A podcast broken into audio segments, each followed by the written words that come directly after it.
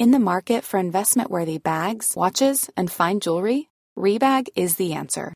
Rebag is a luxury resale platform where each piece is carefully inspected by experts to ensure quality and authenticity. Use Rebag to buy and sell finds from the world's top brands, including Louis Vuitton, Chanel, and Cartier. Head to Rebag.com and get up to 15% off your first purchase as a member with code REBAGNEW. Shop today at Rebag.com. That's R E B A G.com. And use promo code REBAGNEW for up to 15% off your first purchase as a member. Hey, it's Ryan Reynolds, and I'm here with Keith, co star of my upcoming film, If, only in theaters, May 17th. Do you want to tell people the big news?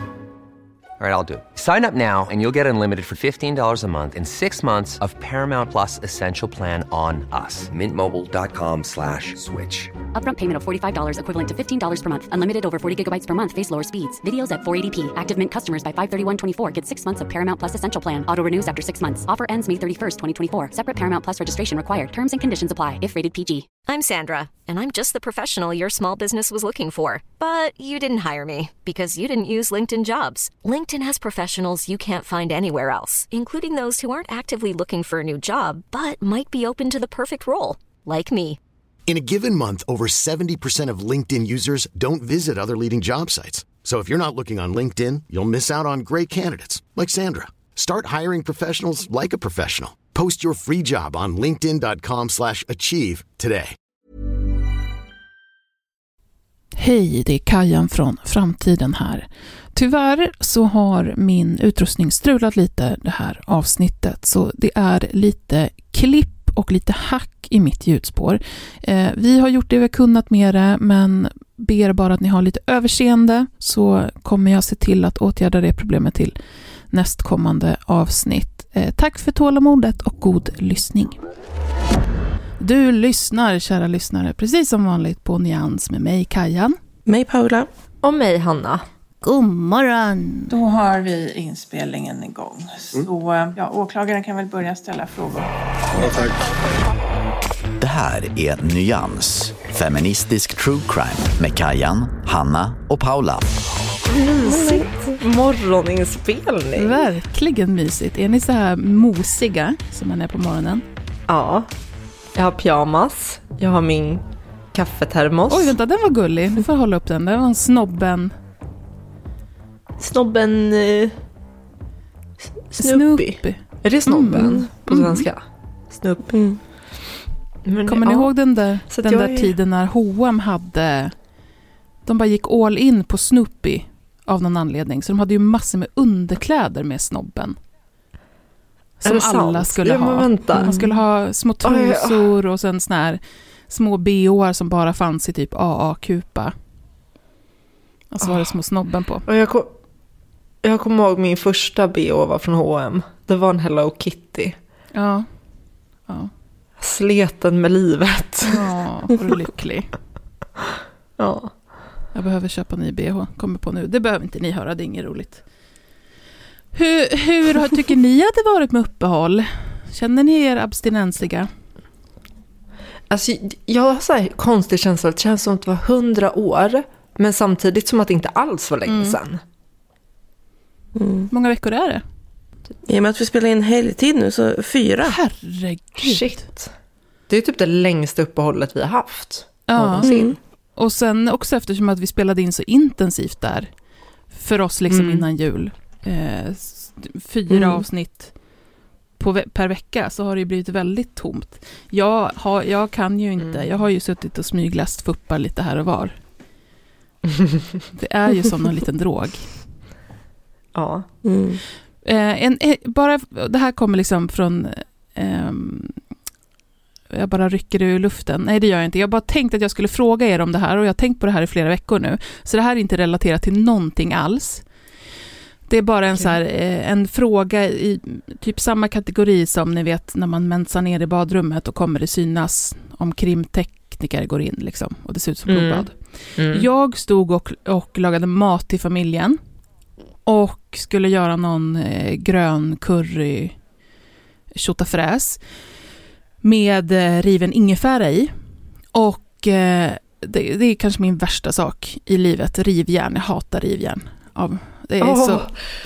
Jag, alltså det, jag får så här kryp i ryggen. Alltså det är obehagligt, det är också väldigt jobbigt. Alltså jag, det, är jä- Det är det är som att det är några muskler som jag aldrig använder annars, så jag blir liksom helt slut av de här jävla rivjärnen. I alla fall så, så rev jag den här ingefäran och liksom rev upp tummen ganska ordentligt.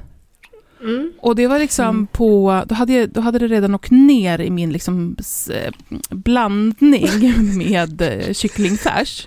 Så att det är inte som att jag kommer hitta den här lilla Nej, nej, den, Den- är, det är bara blanda. med.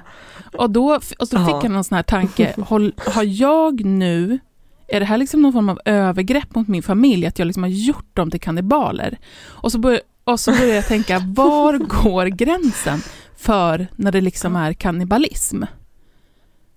Alltså jag, jag kan säga att jag har, eh, jag, jag brukar riva, nu har jag i och för sig slutat med det för det har varit ett, det, det är så jobbigt, men jag brukar riva morötter när jag gör köttfärssås. Och jag kan säga att det har åkt med en och annan eh, tumbit i den där köttfärssåsen. Det är bara att röra Ja. om och låtsas som ingenting. Ja, Men är det är liksom då så här kannibalism hur man, och då tänker jag så här rättsligt, hur, jag fattar ju att det här inte skulle vara, att min, att min tumme inte är med på det, men finns det någon så här gräns för när man, är det uppsåt, att man så här, nu ska jag äta människokropp, eller är det mängd? Är det så här en, en tugga, en tumme? Ja, det är en bra fråga. Men jag tänker att det räcker ju med en tugga. Men inte med en hudflisa, Nej, tänker jag. Men då, Eh, då är det mängd då eller? jo, Johan tittar på mig Ja. nu. Och ser väldigt eh, chockad ut. Ja, men min, min kunskap inom kannibalism eh, är inte så gedigen, känner jag. Nej. Nej, men jag tror, jag tror inte det krävs en så stor mängd. Eh, det tror jag Nej. inte. Men det må, alltså, för att man ska räknas som kannibal så borde det väl finnas något uppsåt. Just det, någon Mm. vilja. Ja, att man vill göra det med flit. Men sen så, det, det är ju... Jag tänker att det är kannibalism ändå, men inte att man är en kannibal. Om man äter, alltså man råkar äta en människa, eller liksom inte Om ren. man råkar äta en människa. Nej men låt säga att man äter en, en ordentlig tugga, då är ju det, det, det är ju, Kannibalism. eller ja, fan, kannibalism. Men man är ju inte en kannibal för att man gör inte med flit. Nej, just det. Nej, och jag menar alla som stoppar fingret i munnen när man har skurit sig eller man sitter och biter på liksom, naglarna och biter av sånt torrt skinn. Det kan ju inte vara... Okej. Jag vet inte mycket, om jag blev jättemycket klokare, men jag tänker att kanske nästa gång om jag typ om jag hackar någonting och så hackar jag av mig liksom en mer köttig bit på fingret, Ja, då, då får du då fiska, får jag upp, fiska den. upp den. Mm. Mm. Så, Flisor är okej, bitar inte okej. 29 återkom. Nyans. Feministisk true crime med Kajan, Hanna och Paula. I dagens avsnitt så ska vi prata om ett väldigt uppmärksammat fall. Vi kallar avsnittet för, eh, drar jag ur röven nu, attackerna i Ängelholm. Och Eh, mina källor är eh, förundersökningsprotokoll, vi har i det här fallet en tingsrättsdom och så har jag lyssnat på ljudupptagningar från eh, tingsrätten. De inblandade personerna, eh, vi har flera brottsoffer och det rör barn, det är eh, fem stycken eh, flickor, minderåriga. Så att vi kommer helt enkelt att få kalla dem för flicka 1 till 5. Så flicka 1, flicka 2, flicka 3, flicka 4, flicka 5. Det här är flickor mellan, eh, jag har för mig att det är 9 och 17 år, 16-17 år. Förövaren däremot är 33 år och heter Erlinda Gonzales. Vi är i Ängelholm i nordvästra Skåne och det är 2023. Det är i slutet av maj och det känns som att sommaren är i full gång. Flicka 1 har gått ut på gräsmattan framför det flerfamiljshus där hon bor. Hon och ett syskon har bestämt sig för att de ska sola. Och när de ligger där på filtar på gräset så kommer plötsligt en för dem helt okänd kvinna fram till dem. Hon kommer fram till dem eh, alltså bakifrån, från där, det håll där deras huvuden ligger. Så att de kan inte se när hon kommer. Och utan att säga något så tar kvinnan tag i flicka 1s hår och rycker hårt. Hår slits av och det kommer att lämnas en kack på flickans huvud efter attacken. Så att det är inte någon, någon liten slitning utan det är ett ordentligt ryck. I håret så kommer man också att hitta en avbruten nagel. Efter att den här kvinnan då har slitit i flickans hår så vänder hon om och går därifrån. Polisen larmas och de får ett eh, signalement av de här, eh, det här syskonparet. Men det är inte tillräckligt för att man direkt ska kunna hitta förövaren. Fyra dagar senare, den 4 juni, flicka 2 är ute och går i Ängelholm. De möter lite människor, sådär som man gör när man är ute och går i sin stad. Och eh, det är inget konstigt med det. Tills en person som de har mött vänder efter att hon passerat de två flickorna. Det är en kvinna och hon kommer upp bakom barnen och slår flicka två hårt i huvudet med en större sten. Och sen går hon därifrån. Flicka två blöder ordentligt. Barnen tar sig till en pizzeria i närheten där de får hjälp. På sjukhuset kan man se att det är ett stort jack i flickans huvud och att det behöver sys. Tre dagar efter att flicka 2 har attackerats, det vill säga den 7 juni, så går flicka 3 på en gångväg och eh, passerar en kvinna som sitter på en bänk. När flicka 3 passerat och gått en liten bit till så känner hon att någon bakifrån tar tag i hennes axel. Flickan vänder sig om och ser att det är kvinnan från bänken som har gått ikapp henne och sen smäller det till i huvudet åtminstone två gånger. Det är en sten som kvinnan har i handen som har träffat henne och flicka 3 får en cirka 3 centimeter lång sårskada ovanför pannan. Och den här limmar man ihop då på sjukhuset. En kort stund efter att flicka 3 har attackerats blir även flicka 4 slagen i huvudet med en sten.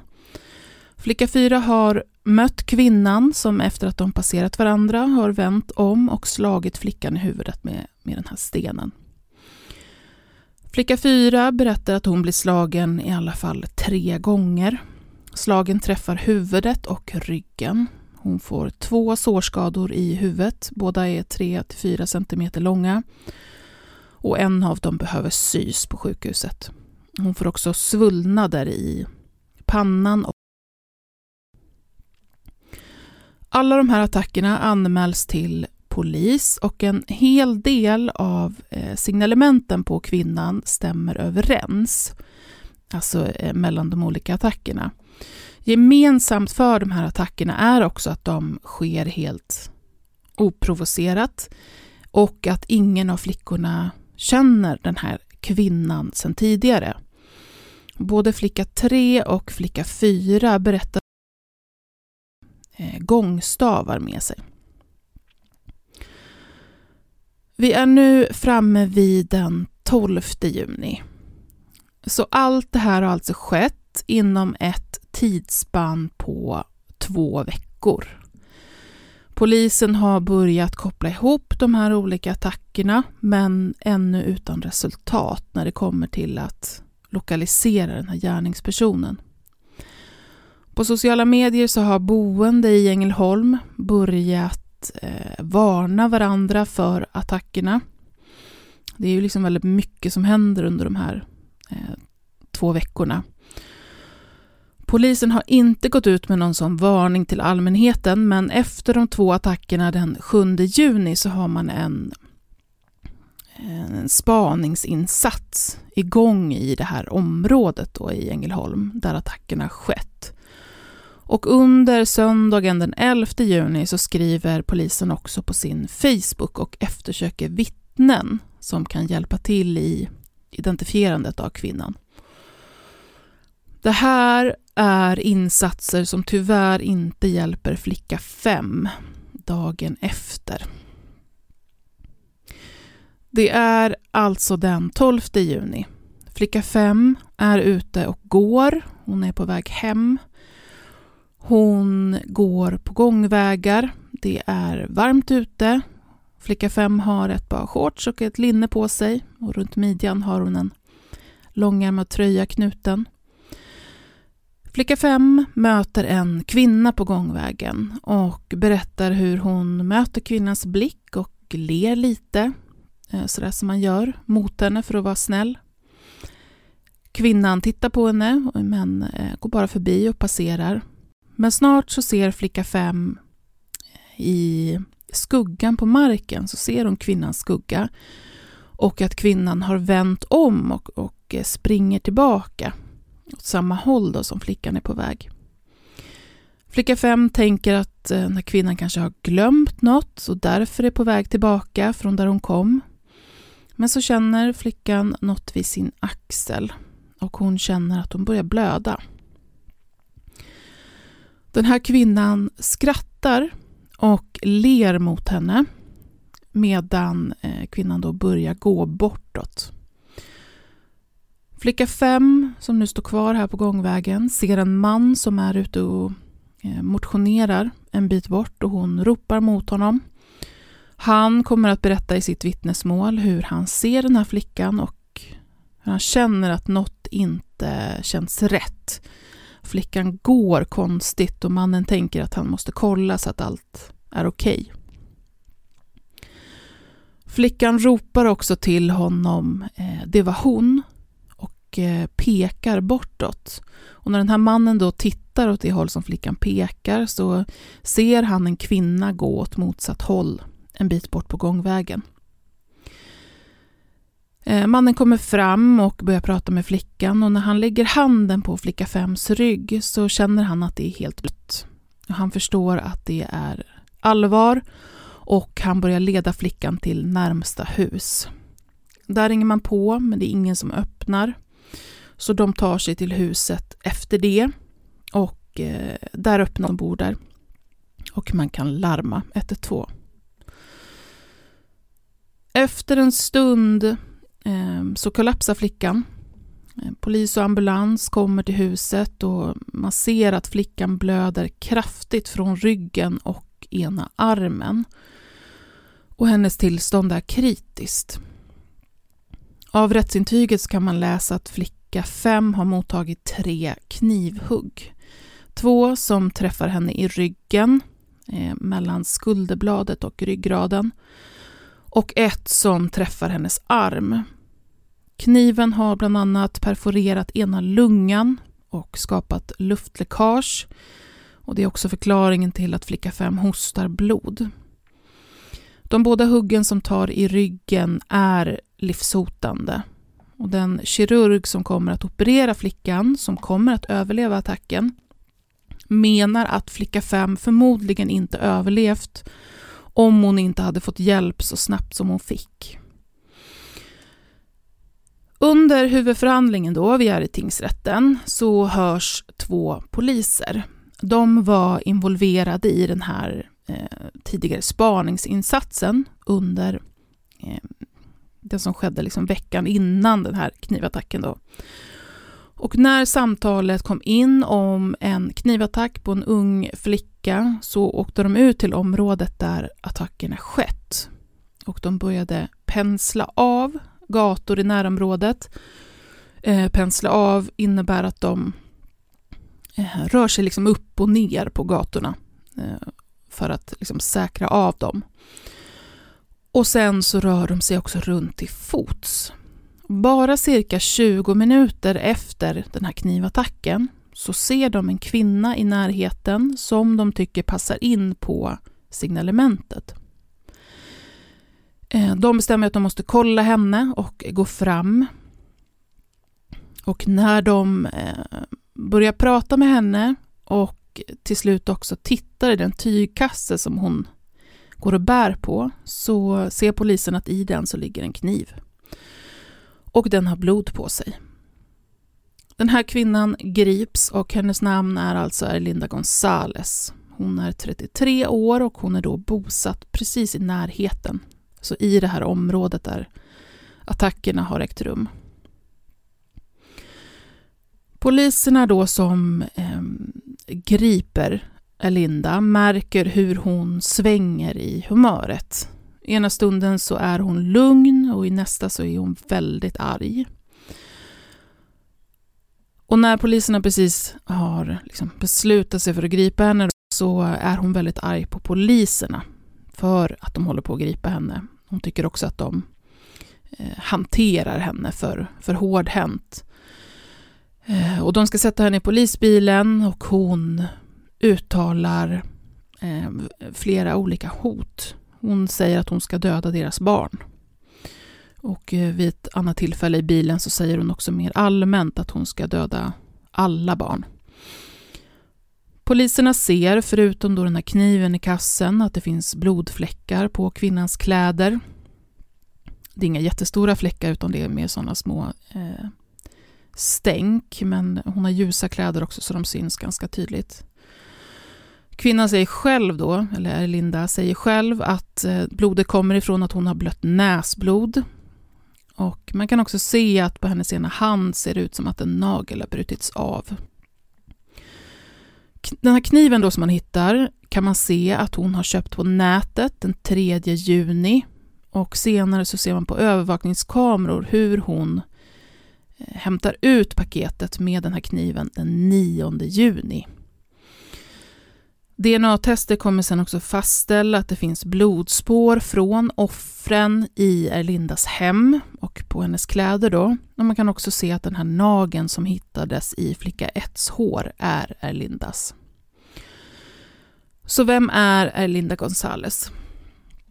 Vi ska börja med att slå fast, och jag vill verkligen säga det redan nu, att eh, förövaren till dagens fall lider av en allvarlig psykisk störning Eh, både vid tiden för attackerna och och förutom att det är vad som slås fast i de här rättspsykiatriska undersökningarna då, så märks det på förhör och eh, inte minst, jag tycker att det är väldigt påtagligt eh, i ljudupptagningarna från huvudförhandlingen.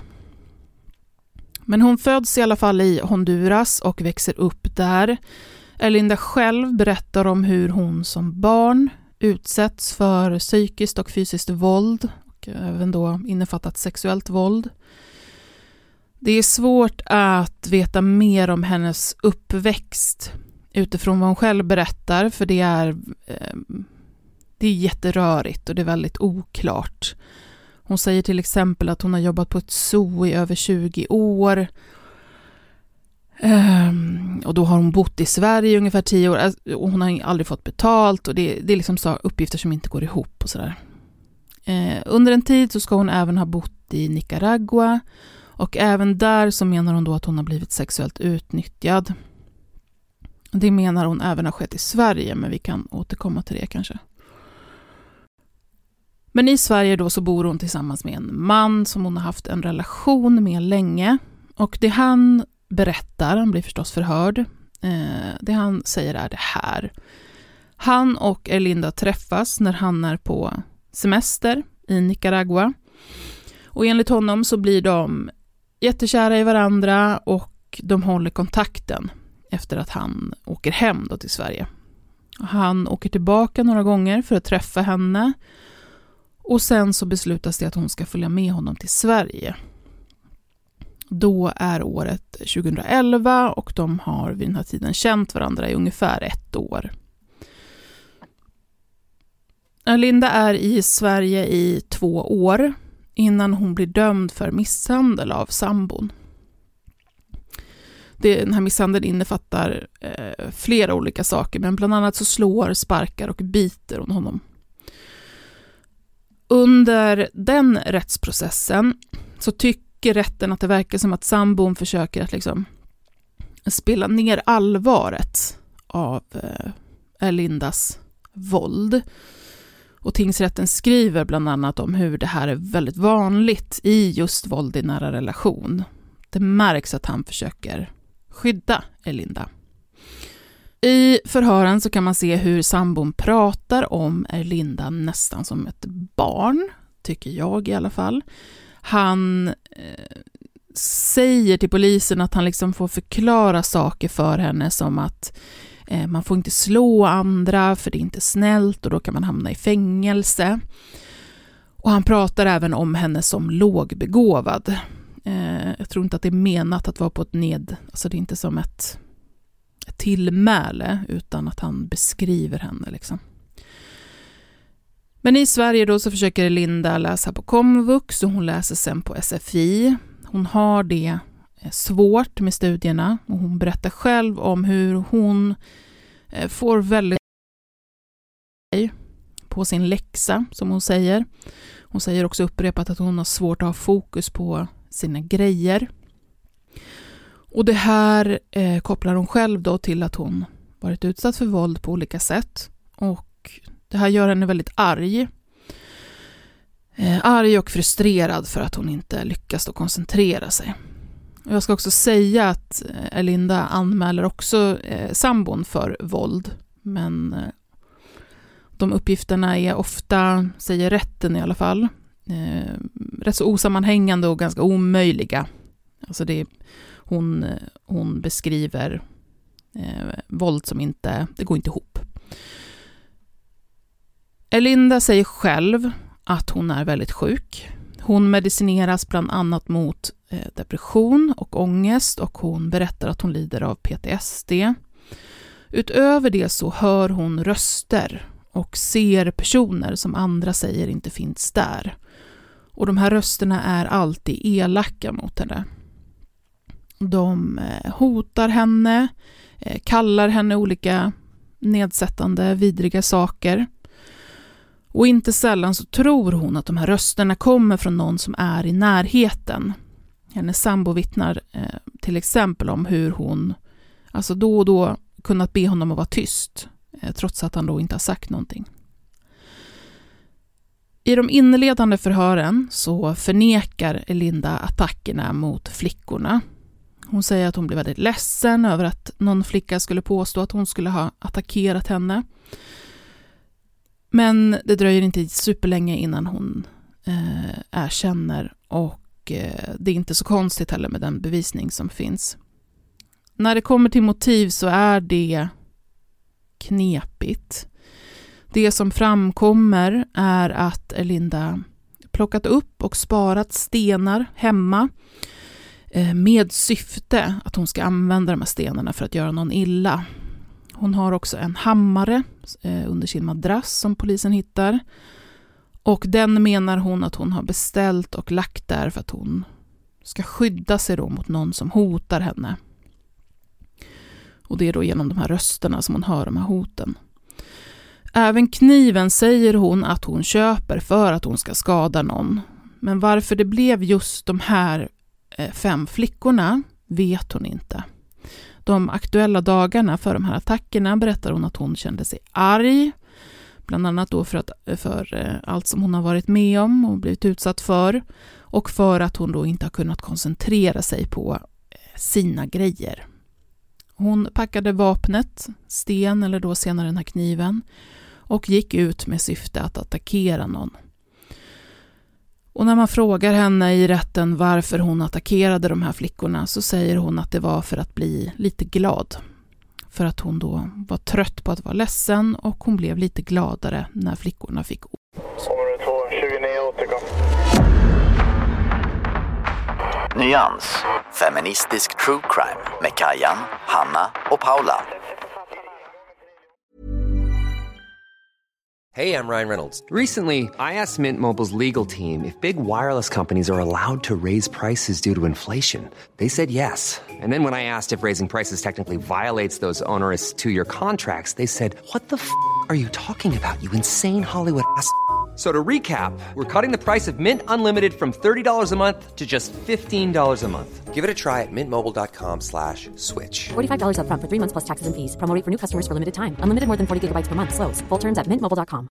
Ready to pop the question? The jewelers at BlueNile.com have got sparkle down to a science with beautiful lab-grown diamonds worthy of your most brilliant moments. Their lab-grown diamonds are independently graded and guaranteed identical to natural diamonds, and they're ready to ship to your door. Go to BlueNile.com and use promo code LISTEN to get $50 off your purchase of $500 or more. That's code LISTEN at BlueNile.com for $50 off. BlueNile.com code LISTEN.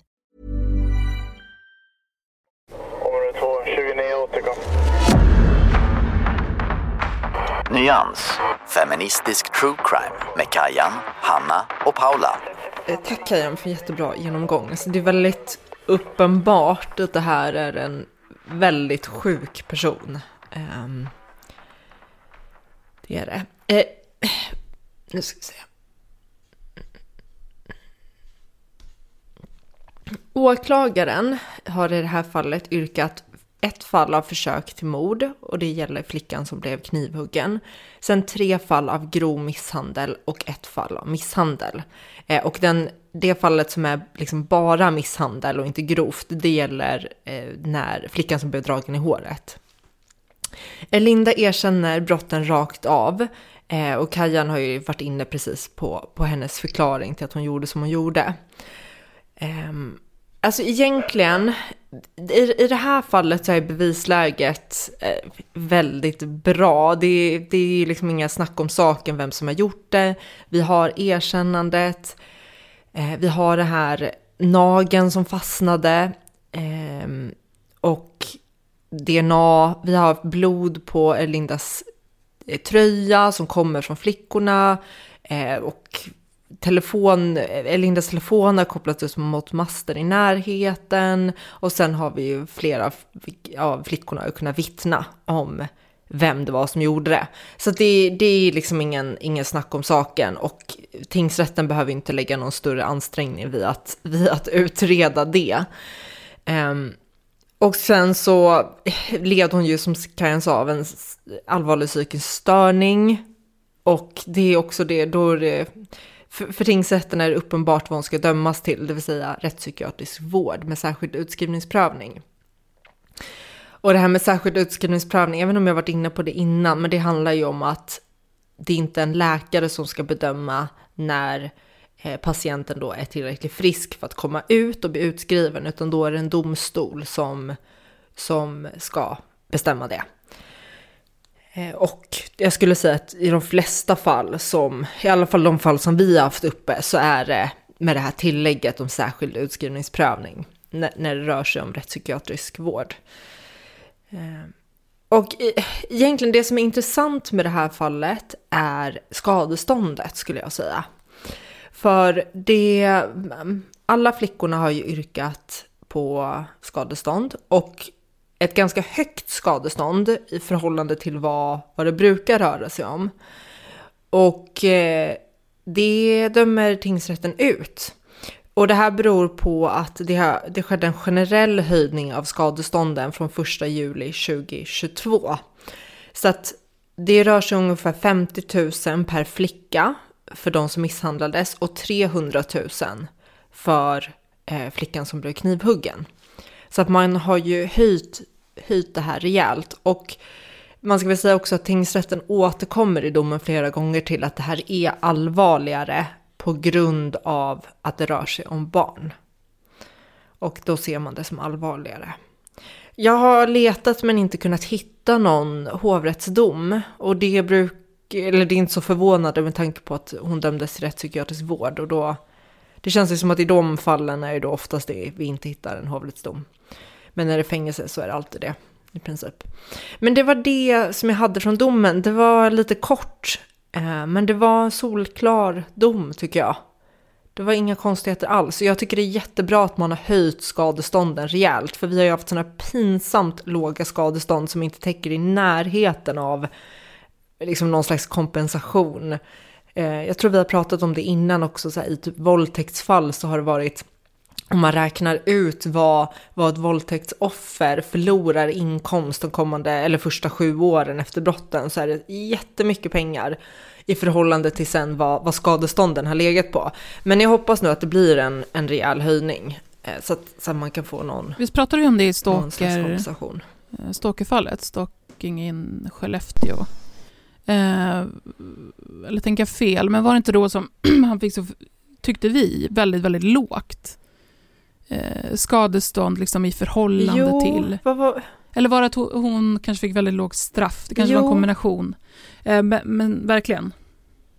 Men, mm, men skadestånden i Sverige har ju varit väldigt så här, ja typ slår någon med öppen hand, Mm. 5 000. Slå med stängd hand.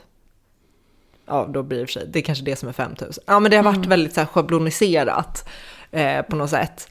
Men, men eh, ja, det, det kan väl vara bra i och för sig. Men, men samtidigt, det behöver bara höjas ordentligt, tycker jag. Alltså att det inte blir liksom eh, nästan ett, ett hån i skadeståndet för att det är så väldigt, väldigt lågt. Område 2, 29 återkom. Nyans. Feministisk true crime med Kajan, Hanna och Paula. media och sociala medier var ju väldigt snabba på liksom att, att inte tro att det kunde vara en kvinna som gjorde det här. Mm. Just det, Så att den här stackars mannen som eh, bar den knivhuggna flickan till, till räddning, han plockade upp henne och bar till eh, en, eh, ett kvarter med bostadshus som låg i närheten och försökte hitta någon som kunde hjälpa, som kunde ringa eh, 112. Och i, i de första som inledande artiklarna så gick ju media ut och pekade ut honom som gärningsmannen, eller den liksom misstänkte. Och sen fick man ju backa på det då och eh, ändra liksom, uppdatera att det är, det är en kvinna som är misstänkt, inte Räddar den här mannen liv. som istället, istället faktiskt var den som räddade hennes liv. Men det visar ju liksom hur det sitter på något sätt i det allmänna medvetandet att sker det ett våldsdåd så är det en manlig förövare. Och blir det då en omnämnande av någon man i samband med det så hoppar folk nästan direkt till tanken liksom att det det måste vara han som har gjort det. Det, Och det kan jag i och för sig tycka är en rim, alltså att folk tänker så att kan jag tycka är, är inte så konstigt med tanke på att det är typ alltid män. Det är ju män i mycket, mycket större grad. Men det blir ju problematiskt när media, har, media får ju för fan håll, hålla tungan rätt i mun. Eh, men, men att men att vi dödliga civila tänker så, eller vad man ska säga, tycker inte jag är konstigt. Nej, det tycker jag inte heller. Men som du säger, problemet kommer ju när media hoppar iväg på en sån grej att de, de snappar upp någonting om att en man gjorde någonting och så går direkt liksom till att skriva det i artiklar att det är en man som har gjort det här. När det i själva verket är en kvinna som dessutom är efterlyst. Ja, men det är alltid att det, ska vara sån hets och man ska komma ut först med artikeln. Eh, för att få alla klick. Precis. Det borde vara en liten så här, en liten, eh, alla får, får en delay. så, att, så att när man trycker publicera så, så tar det en stund innan det kommer ut. När de trycker publicera så tar det en timme Ja men typ, ja. innan det faktiskt får komma upp på någonting så att Mm, man hinner och tänka efter. Ja, det kommer upp en sån här lite automatisk ruta på skärmen. Nu får du sätta dig ner och tänka på vad du har gjort. Det är som man skriver arga mejl och så ska man ju skicka det dagen efter. Kan ha hänt. Tänker på saken eller skriver arga mejl. Jag tänker på saken gör jag mycket men Annars, alltså, domen är kort och rimlig, vad man ska säga. Utav de fall som vi har tagit upp hittills, där det döms till rättspsykiatrisk vård, så skulle jag vilja säga att det här är nästan ett av de mest lättbedömda. Ja, Helt så är det ju. Alltså det jag Att är tycker det är det handlar intressant också att det blir så stereotypt eh, galet. Så det blir, och, det, och det förstår man ju liksom att det både har spett på, för det var ju otroligt, liksom, otroliga skriverier på sociala medier, fattar man liksom, bland de boende. Nej men det är ju så, så, så, det är ju så hemskt som det blir. Eh, just, just kombinationen galen och attackera barn är ju jätteläskig. Precis, och det gör det också att det, och när det är förövare som liksom passar in i någon... Nu är det en kvinna, vilket inte liksom passar in i stereotypen, men ska vi säga av, av liksom vansinnesdåd då. Eh, så, när, så, när, det är fall som för oss mm. passar in väldigt, mm. eh, väldigt väl, så blir det lättare för oss att liksom eh, ganska snabbt sätta in det i galenskapsfacket och också liksom löpa den linan ut. Och i det här fallet så, är, så ska det ju vara så. Eh, men man förstår ju också att det skapade mm. Eh, ännu mer rädsla och eh, ilska och eh, att det blev en hetsk stämning på i Ängelholm men också på sociala medier eh, är ju inte så konstigt.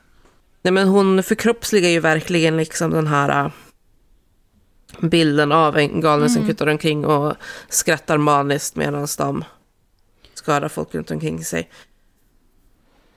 Det, jag tänker lite sådana här, du vet, i filmer eller serier eller sådär när ondingen mm. kommer upp med sin masterplan och sen släpper ut ett elakt skratt för att man ska verkligen ja. förstå hur sen, ond och galen de är.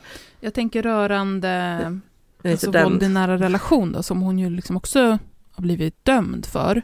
Det, det tycker jag är intressant i sig för mm. att eh, som sagt, som jag var inne på lite grann, så är det ju eh, anklagelser och eh, anmälningar åt båda håll i, i den situationen. Och, och som vi har varit inne på tidigare så behöver det inte vara det ena eller det andra, att den, det är en part som är den onda och, eh, och den andra är helt eh, oskyldig. Så behöver det absolut inte se ut och det vet vi ju ingenting om heller. Men hur, ska vi säga, de mm. saker som hon eh, faller tillbaka på eller anklagar honom för är ju väldigt stereotypa för våld i nära relation. Men när man tittar lite närmare på det, alltså det är till exempel någon sån sak där han, hon har sparkat honom i ryggen. Eh, och han har liksom blivit skadad av det. Mm. Och där hennes förklaring då är att han har brottat ner henne och lagt henne på mage och hållit fast henne så att hon har sparkat honom i ryggen för att komma loss. Bara att det här skeendet som hon beskriver, där hon skulle ligga på mage fasthållen, gör det alltså fysiskt omöjligt för henne att kunna sparka honom i ryggen i den liksom, positionen. Mm. Så det är som att hon hon eh, hänfaller åt och anklagar för det här som vi ofta ser, nämligen att det är mannen som är förövaren. Men i det här fallet så pekar ju eh, det mesta på att det faktiskt är precis tvärtom. Och i, i den domen som också var med mm. i fuppen, där hon blir, blir dömd, så eh, mer, tycker jag, än vad man brukar kunna se när kvinnor är offren, så pratar tingsrätten om eh, offrets... Man har en väldig förståelse för hur offret, vilket är han då i den situationen, eh, kan reagera på att försöka skydda sin förövare. Man pratar om vad som är typiskt för våld i nära relation och, och så här. Det, så det är nästan som att för att han då är man och blir utsatt för det här så vill man extra tydligt förklara mekanismerna i våld i nära relation. På ett, och det är ju bra i sig, men man ser mm. det inte lika ofta när det är kvinnan som är... Nej, det, alltså det är ju som du mm. säger, det är ju bra i sig, men man önskar ju att det är det skulle vara across ja, the board. Ja, jag menar vi vill liksom, ju ha eh, att rätten ska ha förståelse för hur sådana här liksom, mer invecklade relationer eh, mm, fungerar ja, ja. och ser ut. Men det vill vi ju gärna ska finnas när, när kvinnor är offer också. Och inte mm. mer som liksom ett sätt att förklara att hur kan den här mm. eh, mannen bli slagen av sin sambo och ändå liksom försöka downplaya våldet utan att det ska vara en kunskap mm. som man lyfter generellt, mm. alltid. Mm. Men kan inte det handla om också det här att det finns trots allt mer mm. fördomar om män som drabbas än kvinnor som drabbas? Utifrån tänket liksom att ah. en man bara borde kunna få stopp på det. Mm.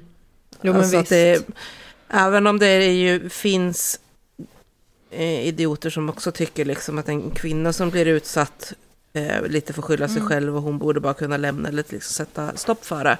Så tycker man ju ännu mer så om det är en man som utsätts av en kvinna. Att han borde ju inte ha några problem med att eh, skydda sig. Varför slår han inte mm. bara tillbaka? Varför stannar han i det här? Ja, jo men visst. Att, att fördomarna som finns mot utsatta kvinnor är ännu snäppet värre när det sen kommer till utsatta män och att det kanske är därför som ja, men så domstolarna tar, eller i det här fallet den här domstolen då tog ett litet extra steg för att faktiskt förklara läget. Ja, för att läget. kunna liksom sätta på kartan att ja, män kan också bli ut, alltså, Jag tänker också att skulle det vara så att hon har blivit utsatt, nu jag vet ingenting om det här verkligen, eh, men då, jag, jag bara mm. tänker just det här med att när man har en sån kraftig psykisk ohälsa eller psykisk sjukdom, hur man liksom ens mm. möjlighet att bli tagen på allvar bara raderas ut. Och jag tänker också mm. så här under metoo, hur många meddelanden jag fick från personer som eh, har varit inlagda på ja, med ett LPT, lagen om, inte, rätt, lagen om tvångsvård eh, på psykiatrin och blivit mm. utsatta. Men det är, så här, det är ingen som tror på dem för att man har ju en psykisk sjukdom. Eh, och mm. det tycker jag är så otroligt skrämmande. Mm. Hur, hur, mm. hur det blir på något sätt fritt fram. Mm. När du väl har fått den stämpeln. Mm. Ja, alltså just den här typen av situation är ju väldigt knepig. För å ena sidan som du säger Hanna, de kvinnor med psykisk ohälsa eller psykisk sjukdom blir mindre trodda. Det kan förekomma våld i två riktningar. Men vi vet ju också från andra fall att kvinnor som faktiskt begår våld i nära relation. Jag tänker till exempel på stalking i Göteborg-fallet. Har ju också en tendens att dra upp den här typen av grejer som ett försvar av sig själva att de är utsatta på ett eller annat sätt, att det är mannen som har liksom lockat fram de här grejerna för att han har varit våldsam eller han har gjort liksom det ena med det andra. Ja. Så att vi har igen, liksom, ena sidan tendenserna av att kvinnor drar, tyvärr faktiskt drar upp mäns våld som ett försvar när det är de som är förövaren. Och att kvinnor med psykisk ohälsa blir mindre trodda. Ja, så båda kan ju vara sant samtidigt. Jag tänker också på mm eh, den här personen som mördade sina föräldrar. Gud, vilken av dem höll jag på att säga. Vilket fall? det var, fan det var någonstans södra Sverige. Nu minns inte jag vad det är. Men där eh, den personen hävdade ju att, att eh, jag tror att det var ja, en transperson, hävdade att hen blivit utsatt för ja. Ja men... Ja, eh, psykisk terror, sexuellt alltså, våld. Ja. ja, och det inte fanns mm. någonting. Um, eller Nej. det fanns liksom inga bevis kring det. Mm. Gud, vi har typ som, man har som en liten så här mm. bank mm. i huvudet av så här mm. referensfall. När vi har gått ja. igenom så många. Det byggs upp fler och fler. En annan del av det här, liksom varför det här har blivit så uppmärksammat, tror jag ju är också just det hela, det här man måste titta lite grann till, till populärkultur igen och så. Alltså mm. kvinnor som tappare är ju ett ganska återkommande tema för just skräckfilmer mm. på olika sätt. Att eh, det, det går ganska långt innan en kvinna bedöms mm. som farlig. Eh, men när det väl liksom sker, att en kvinna bedöms som farligt, så är det ju nästan alltid mm. när hon har tappat det. Och man eh, gör en grej liksom av att hon, hon har verkligen blivit galen.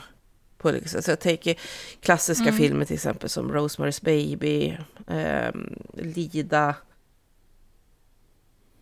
Eh, ja, skitsamma, det finns, det finns fler, men liksom där själva plotten är just någon kvinna som blir knäpp och sen, ja, ibland också just skrattande springer runt och skadar andra människor. Men blir inte det också så här att det vi tycker är, känns väldigt osannolikt blir det som skrämmer och kittlar mm. mest? Och, och, då är det samma så här, ja, men en, kvinna, det är, vi är inte vana vid det, vi tycker inte att det är ska vi säga, naturligt, tror jag att många liksom hänfaller åt att Mm. kategorisera det som att det är onaturligt. Ja, men det, det har vi sett också Mm. i liksom, eh, diskussioner eller, eller reaktioner på när mammor eh, dödar sina egna barn. Liksom.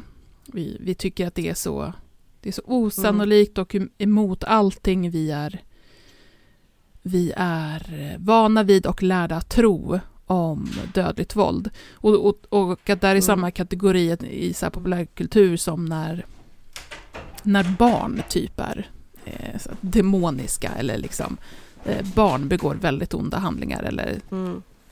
blir typ Chucky. Mm. Mm. Ja, alltså jag tror inte det är så mycket att det, det är så otroligt osannolikt för det händer ju ändå relativt ofta. Eller ja, oftare än folk Mm. kanske ibland tänker sig att det gör i alla fall. Utan det är väl mer just det här att det kommer utanför de normer vi tänker Mm. att folk ska följa. Ehm, Och, och framförallt då liksom kring, kring könsroller och så här att det kvinnor ska inte vara de våldsamma utan det ska vara de mjuka och omhändertagande och snälla. Och det har man ju sett även i fall av eh, pedofilcirklar och sådär. Att det är ju väldigt ofta kvinnor Mm. inblandade i de här också. Eh, Och inte sällan liksom så att man använder just den här bilden av kvinnor som oskyldiga och eh, omhändertagande i cirklarna för att locka barn. Att det är kvinnorna som liksom på många sätt tar på sig rollen av att vara den som hittar utsatta barn som går att locka in i det här och utnyttja. För att eh, barn i mycket större utsträckning blir lärda av sina föräldrar eller liknande att Mm. akta er för fula gubbar. Men man pratar väldigt lite om att akta er för Att fula de- gummor. Vilket gör att om det då är en kvinna, som, en främlande kvinna som kommer fram och börjar prata och, och är snäll och sådär, så är inte barnen lika försiktiga. Men man ser också sen i, när det kommer till domstolsförhandlingen och domar och sådär, att kvinnorna kommer undan mycket, mycket lindrigare. För att de skyller på mannen eller männen som var inblandade. Att det är de som tvingade fram det eller lurade dem eller utnyttjade dem och så här. Så att männen får mycket hårdare straff, även när kvinnor har varit väldigt aktiva Mm. i övergreppen. Offer. Så är de Mm. offer. Vad hette hon? Giselda Maxwell? Ep- Epsteins partner in crime. Mm. Hon hade ju verkligen den aktiva rollen. Att, liksom, att, att grooma eh, flickor och liksom värva in dem.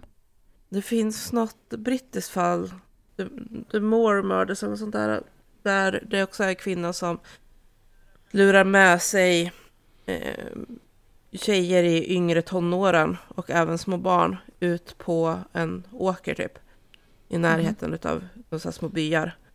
Och sen ihop med sin manliga partner så våldtar de och mördar de här barnen. Och hon kommer ju också undan lindrigare än vad han gör med att hon liksom vänder sig mot honom och hävdar att det är han som tvingar henne att göra de här grejerna. Det lät ju som en skräckfilm.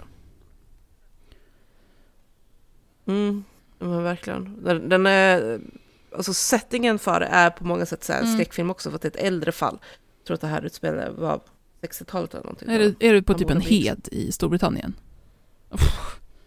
Ja, precis. Men det är även i, men säg, ehm, Ja. Rosemary West, paret West, så sky- skyller ju hon på liksom att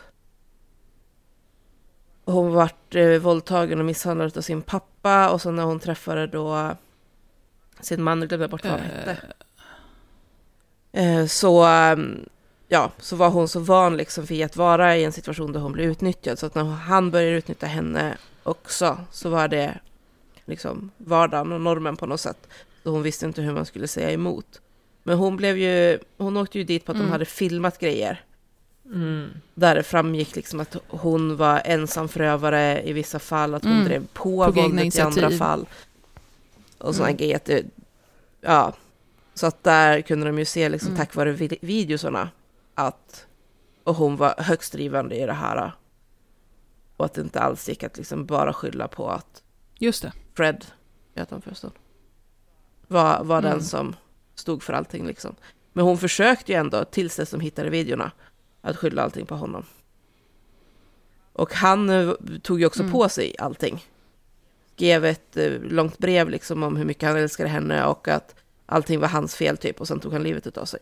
Det var ju lite i, i domen, jag sa ju det i händelseförloppet att eh, Linda hon riktade också hot mot de här polis, eh, polismännen som, eh, som griper henne och sätter henne i polisbilen. Och där hon liksom då har sagt att hon ska döda deras barn och sånt här. Eh, och, och det här blir hon ju inte dömd för och jag tycker att det är ganska så intressant men med att ehm, Eh, För, då, för de tar, förhörs ju då, eller får ju uppge sina vittnesmål i rätten också, och hur em, hennes Mm. försvarare liksom verkligen trycker på den här biten att ja, men så här, dels hur kände ni då? Tyckte att det var obehagligt sånt, det ska man känna vid hot. Men sen också så här, okej, har du några barn? Och ingen av de här två som blev hotade hade ju det. Och att det då Mm. egentligen eh, ja, men räcker, eh, och- eller hur Hanna? För att, för att det ska ses som ett hot så måste det finnas nå- någon slags liksom, eh, reell risk det för måste- att hotet ska kunna införlivas. Ja, alltså du kan ju inte känna dig hotad om någonting som inte Nej. existerar. Om någon säger att de ska mörda mitt barn och jag inte har ett barn, då, då känner inte jag mig hotad. Alltså, det, visst kan det kännas obehagligt, men det är ju inte ett, liksom, ja men som du säger, det finns ju ingen chans att det skulle kunna hända. Det är helt Mm. omöjligt. Det fattar man ju och förstår. Samtidigt från hennes perspektiv, så alltså om hon utgår ifrån bara att de har barn, så alltså det, hennes, om man tänker uppsåtsbiten, så, så vet ju inte hon det. Nej, det Ja. är klart att det inte kan ske någonting, för att hon hotar någon som inte finns. Men det, det är samma sak som du inte kan, ehm, alltså till exempel så kan du inte bli dömd för mord, mordförsök. Om du tänker att du ska mörda någon och eh, förgifta den personen och du häller eh, saltvatten, nu kommer jag inte på det, gud jag är så dålig på när jag ska komma med så här hittepå liksom. Men, men, vad gör jag med saltvattnet? Ja, nej men om du tänker så här, ja typ den här örten är giftig, så jag lägger den i te Okej, och så är det gräslök. timjan. Och du vet inte att Okej. timjan inte alls är farligt. Då kan inte Nej. du bli dömd för det, för det fanns inte en, det fann, fanns inte en chans att det skulle kunna hända. Jag, och jag är ju med på det, jag tycker att det är rimligt. Samtidigt så blir det ju en liten krock med så här upps, alltså Ja, ja, alltså- För uppsåtet kan ju vara rent. Liksom. Ja, ja, ja, alltså hon har ju, det, hon, hon försökte ju verkligen. Ja, om Liksom jag verkligen att- tror att timjan är dödligt. Ja. Nej, då är man bara en douchebag. Ja, du är bara en, okej, du är bara en e, alltså eten, etisk... Etnisk? Nej, En etnisk douchebag. En etisk douchebag. Oetisk. En oet... Ja men åh gud vad jag... En oetisk, exakt. Du är bara, en, du är bara en douche, men du blir inte dömd dum för det. Nej. Det, är ju, det blir ju också sån här grej som vi återkommer till, att så här, det, det är ju ett glapp mellan vad, vad som är moraliskt förkastligt och vad som är rättsligt eh, förkastligt. Men att åklagaren ändå driver det här som ett åtal då? Alltså- Kände väl sig on fire eller någonting? Ja. Jag fattar inte riktigt det. Kanske inte visste om det. De Nej, har- eller så satsade han på just det, att uppsåtet Ja. var det som räknades. Ja. För att hon inte kunde veta om att de inte hade barn. Mm. Men, men det är ju lite samma, diskussionen som Dumpen har hela tiden, det här med att Just det det. borde vara lika olagligt att prata med en vuxen som man tror är ett barn, som att prata med ett faktiskt barn för att stämma sexträff. Just För det. att uppsåtet finns där, även om inget faktiskt barn Åh, nej Paula, nu sätter du mig på dumpens sida. jag tar tillbaka allt. jag vill inte. Jag tror att jag ska, vi ska se vad tingsrätten säger här. Eh, jag tror de, de, eh, de knorrar inte över att, att de inte har barn. Det är inte det som är problemet. Eh, de säger så här.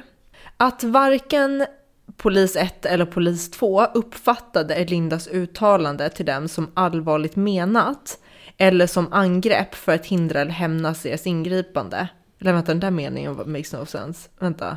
Nej men att de inte, de såg den inte, som, inte hotet som allvarligt menat och det påverkade dem inte i liksom, de blev inte rädda så att de drog sig för att gripa henne typ.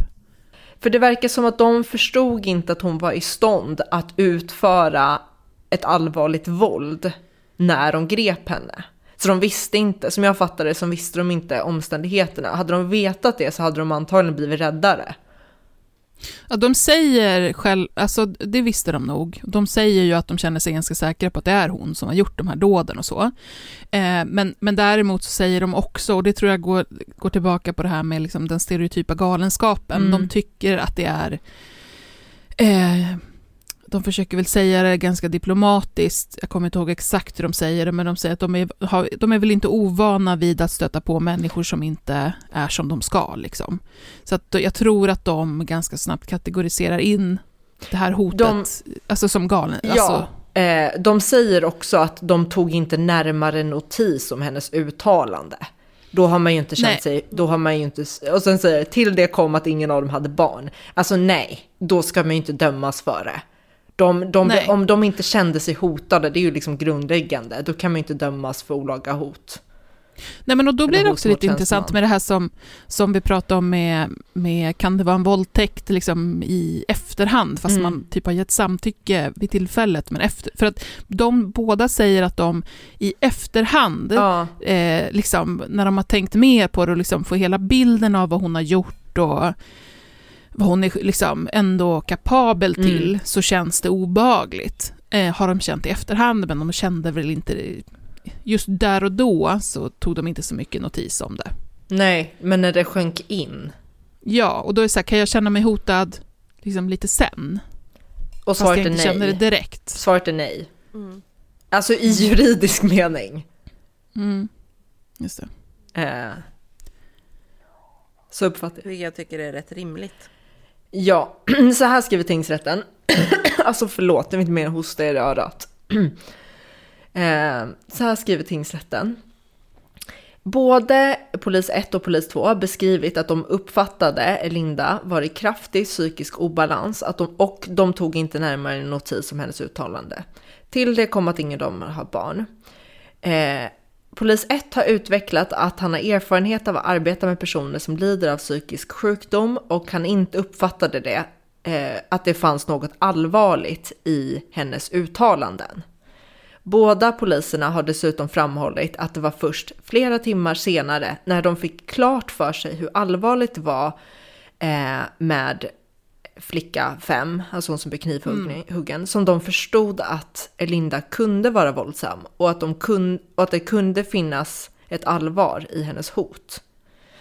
Mm. Mot bakgrund av detta är det sammantaget tingsrättens bedömning att varken polis 1 eller polis 2 uppfattade Elindas uttalande till dem som allvarligt menade eller som angrepp för att hindra eller hämnas deras ingripande.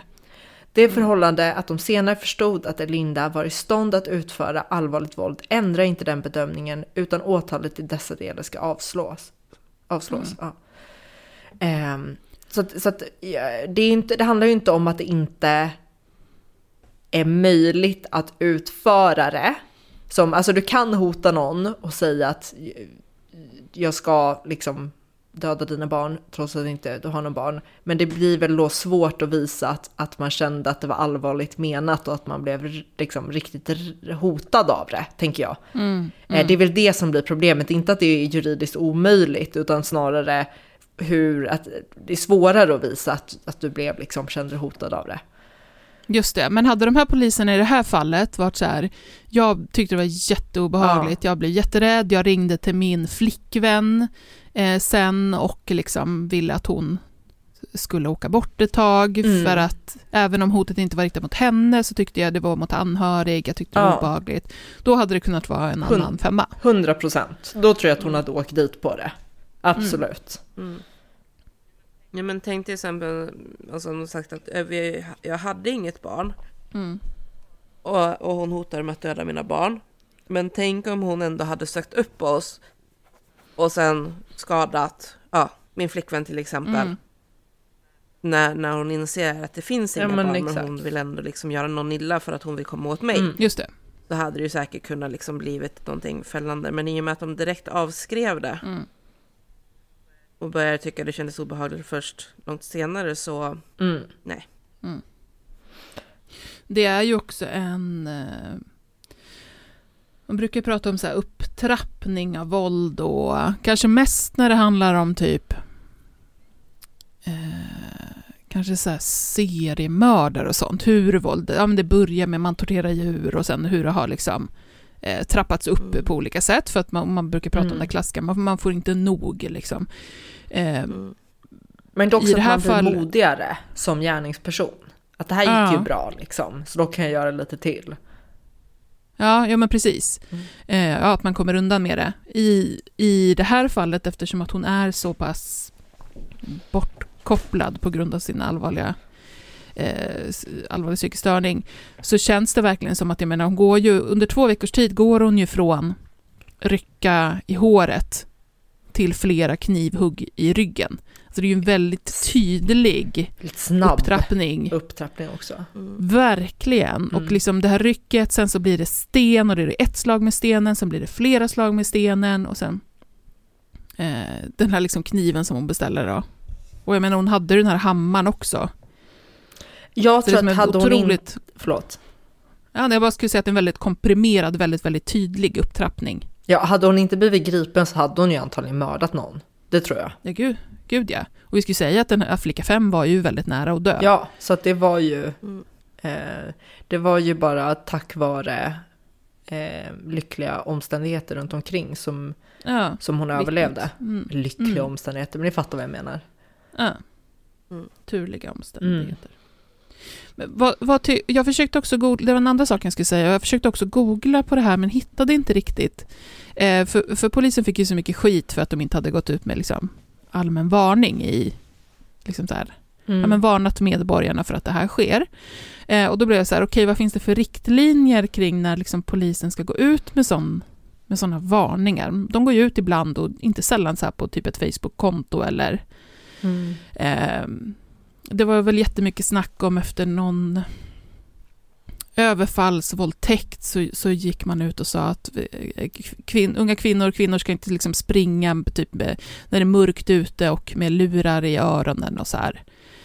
Eh, och så blev det väldigt mycket rabalder om det. Här fick ju polisen, i alla fall av liksom invånarna i Ängelholm, väldigt mycket skit för att man inte hade gått ut med en sån varning. Jag lyckades inte hitta, bara på några googlingar, eh, riktlinjer för när polisen ska, utan det känns ganska så godtyckligt. Tycker ni att det hade varit lämpligt i det här fallet? Det är, nu är det ju under två veckor, det är väldigt kort tid, men likväl.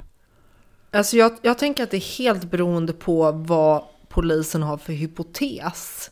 Har de liksom hypotesen att det här är någon som, som kan göra det igen? Jag tänker, det, det är en grej efter en, en gång, då tänker man kanske att Mm. det var bara en gång. Men när det är efter två gånger, då tänker jag att det måste ju ändå finnas en hypotes om att det här är någon typ serieperson och det är, offren är väldigt, eh, liksom har en viss profil.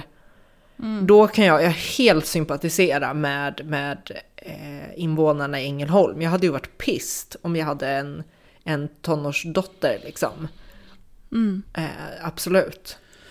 Men sen tycker jag att det här det är ju lite svårt för jag kan också bli lite så här, polisen blir lite så här damn if you do, damn if you don't. De får skit när de går ut med varningar och de får skit när de inte gör det. Eh, men Ja. det, det är lite snårigt, men jag tror att, att det är verkligen ett case to case basis. Mm. Eh, men, men just när det blir väldigt, ja. Ja, Man polisen också- menar själva att man, man vill ju heller inte, dels så tog det ju, det här var under två veckor, fem attacker.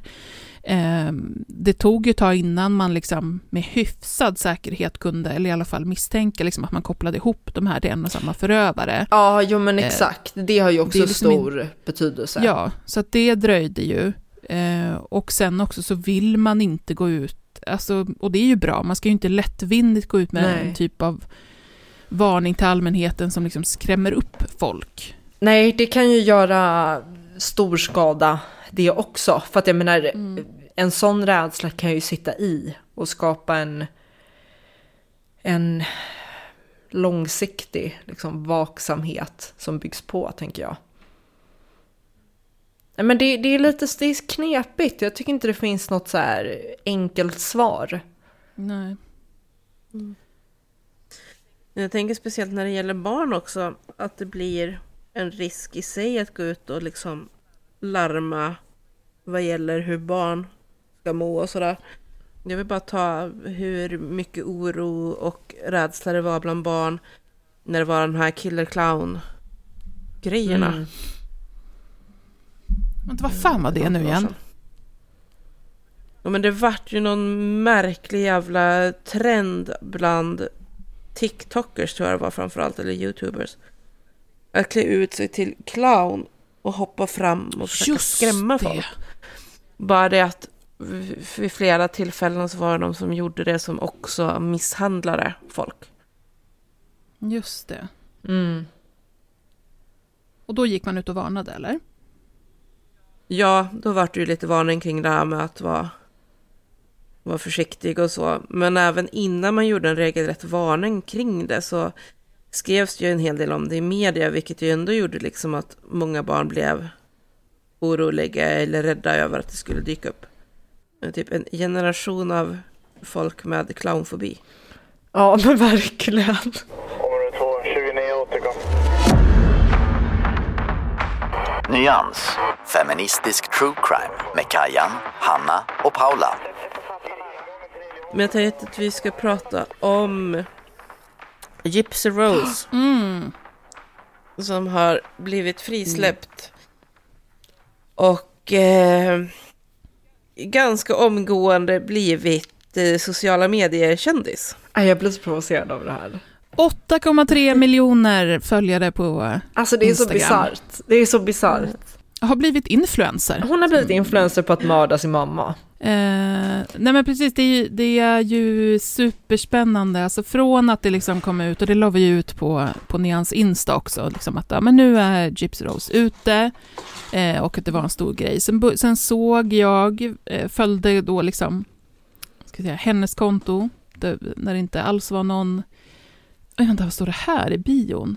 Vad står det? Munchausen syndrome by proxy advocate.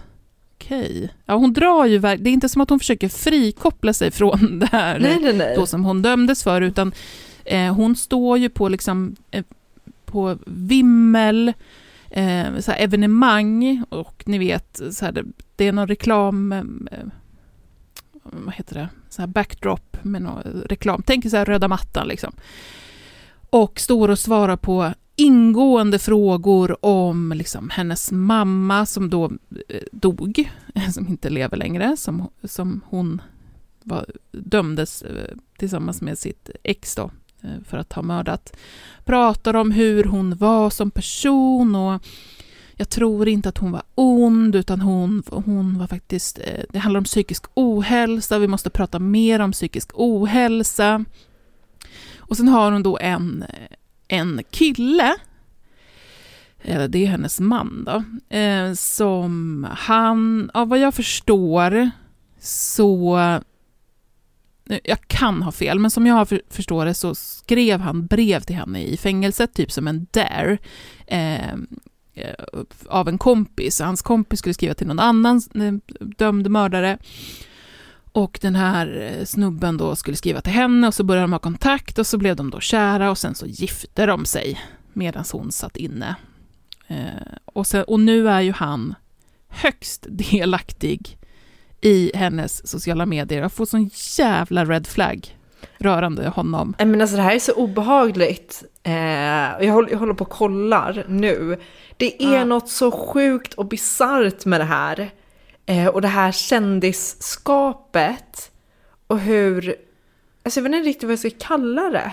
Men det är som du säger, det är de här liksom röda mattan.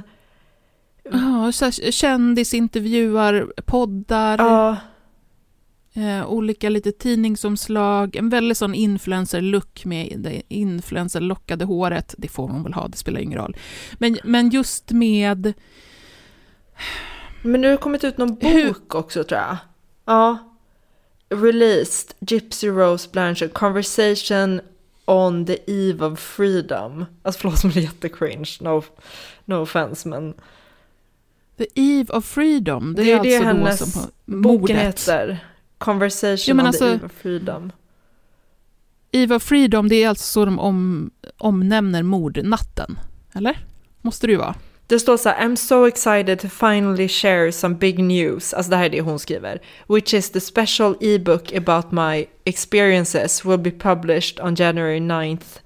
eh, 2024 released Conversations on the Eve of Freedom is a collective of interview transcripts, journals, journal entries, illustrations and photos. Will be, alltså det är, det är sån, Um, det här, blir så kommers- det här mordet är så kommersialiserat. Det är nog det som är så Ja. cringe med det här. Att man har Ja. kapitaliserat på att en kvinna blir mördad. Mm. Och på hela Ja, traumat. Prime har ju också gjort en eh, dokumentärserie.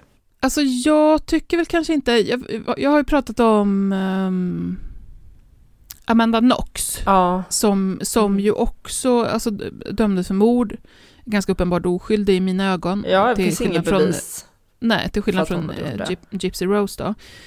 Ehm, men och som ju också liksom pratar väldigt mycket om sitt fall, men det, det är på ett helt annat sätt. Här är det som att eh, Gypsy Rose, och kanske framförallt då hennes den här snubben, använder mordet på mamman som ett sätt för kändisskap. Alltså, ja. han, han står ju liksom, om ni går in på hennes Insta sen och så tittar ni på några sådana här klipp där eh, eh, de två står ja, men på typ röda mattan och hon håller i en mick och så är det som att hon ska svara på någon fråga då om så här How was your mom? Eller inte vet jag, något liknande. Och hon står och pratar om att hennes mamma var inte ond utan eh, psykisk ohälsa och det här är en sjukdom och hit och dit.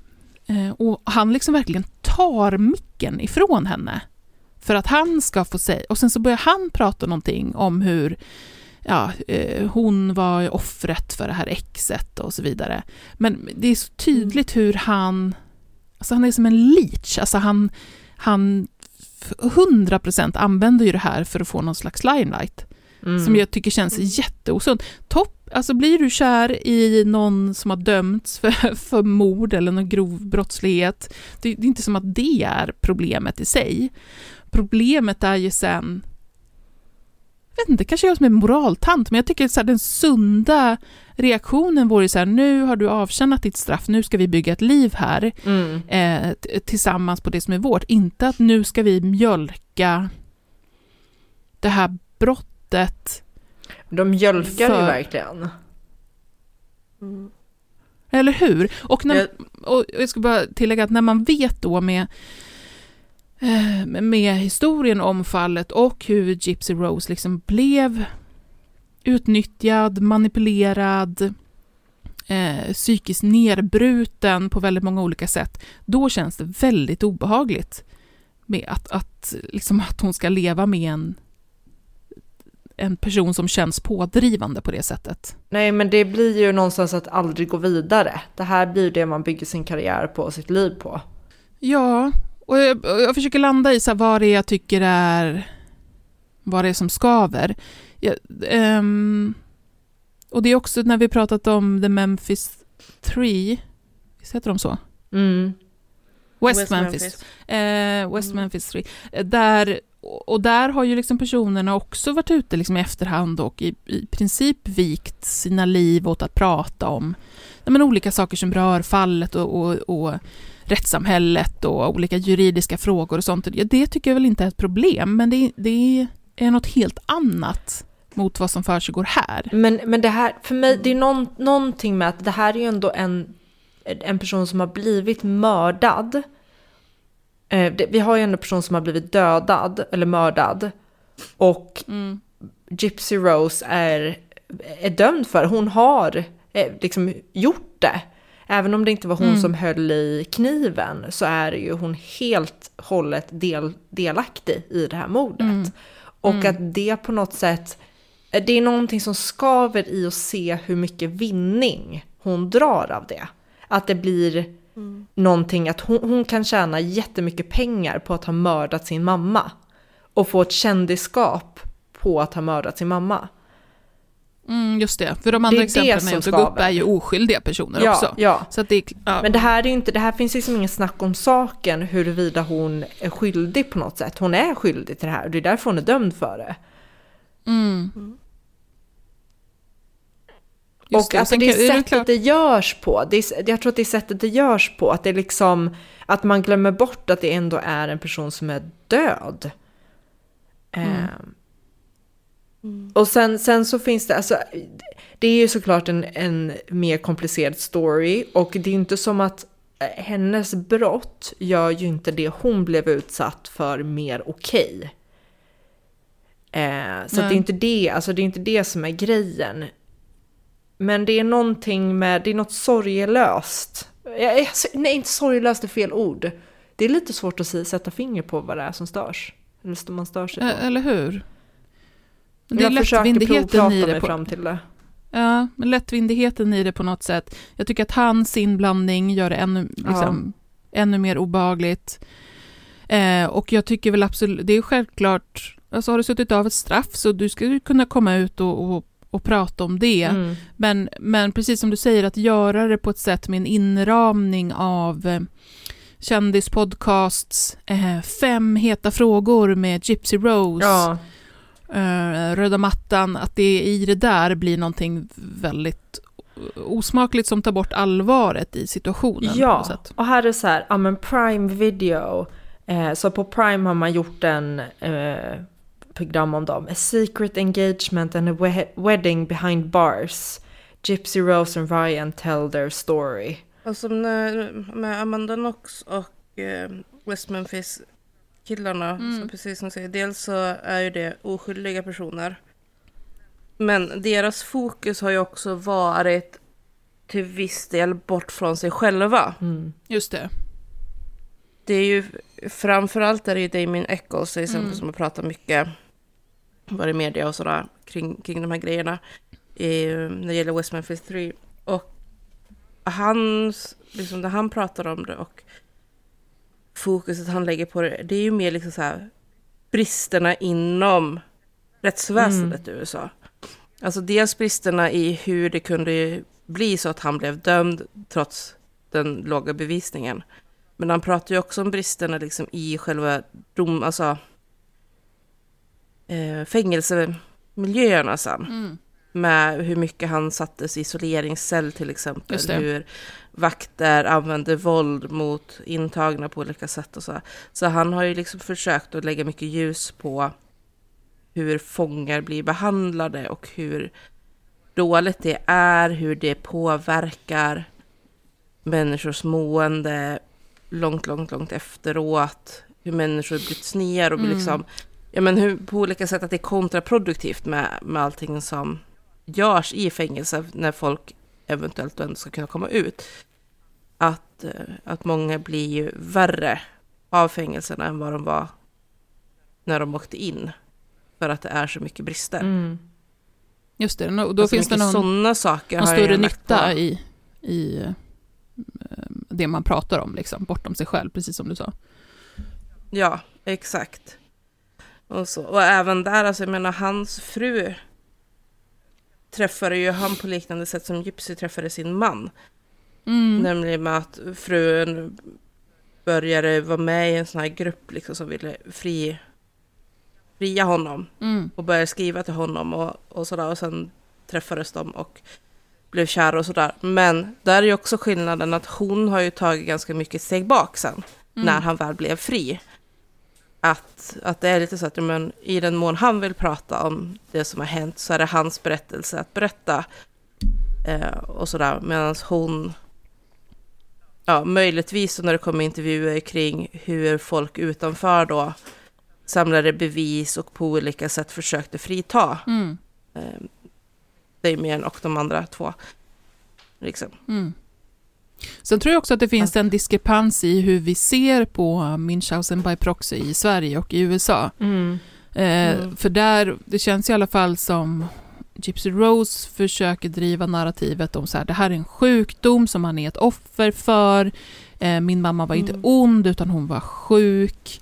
Eh, medans, och det kan man ju lyssna på i det avsnittet när vi pratade om det, att eh, det här är ju någonting som går under eh, alltså, våld mot barn. Alltså, Mm. Det är ju en, eh, ett, Mm. ett eh, beslut man tar och ett Mm. sätt att, att utöva våld mot barn på. Så det är inte som Mm. att vi, jag tror inte att vi pratar ju inte om det under liksom så här mental health day, nej, nej men exakt.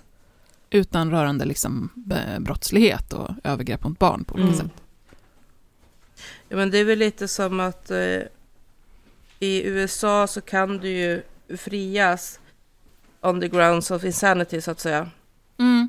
Även när det kommer till mord till exempel. Medan i Sverige så ser vi som att men det spelar ingen roll att du mådde pissjävla dåligt. Du har ändå ett visst ansvar Mm. för dina handlingar. Just det. Eh, Och mår du så pass dåligt att du liksom inte fullt ut kan styra vad du gör, ja men då ska du ha vård. Och eftersom du inte har tagit det beslutet själv, Mm. Att eh, söka vård och följa en vårdplan, så kommer vi tvinga dig. Mm, Det mm. blir ditt straff. Att du kommer sitta inne tills vi tycker att du är tillräckligt frisk för att vara ute bland folk igen. Just det. Då tar vi det ansvaret Medan åt dig. USA så är liksom, ah, okej, du kan inte ta ansvar för dina handlingar. Nej, då har inte du begått något egentligt fel, så att vi släpper dig och så får du fortsätta lösa det här bäst du kan. Just det. Mm. Och precis, och då blir det ju en Det är en förskjutning i skuld. Ja, det blir en förskjutning i skuldfrågan ju. Mm. Hörni Nini, vi ska spela in ett eh, bonusavsnitt här alldeles snart. Så vi, eh, jag tycker Mm. vi, vi nöjer oss för, Mm. för våra icke-betalande lyssnare. Det, det har ni fått. har ni fått nog. Och jag behöver snyta min täppta lilla näsa. Eh, tusen tack för att ni har lyssnat hörni. Vi är igång igen med 2024 och eh, det kommer komma avsnitt till er varje vecka. Men tycker ni att det är lite lite, och det tycker man ju, vill man kanske ha två avsnitt per vecka. Eh, åtta avsnitt i månaden istället för fyra, ja men då blir man Patreon. Och det blir man på eh, patreon.com snedstreck nyans. Så hittar ni oss där. Mm. Eh, bli det, och så, för då får ni höra oss igen redan på torsdag. Eh, så tack för idag, vi Mm. hörs senare. Hej hej! Hej! Hej!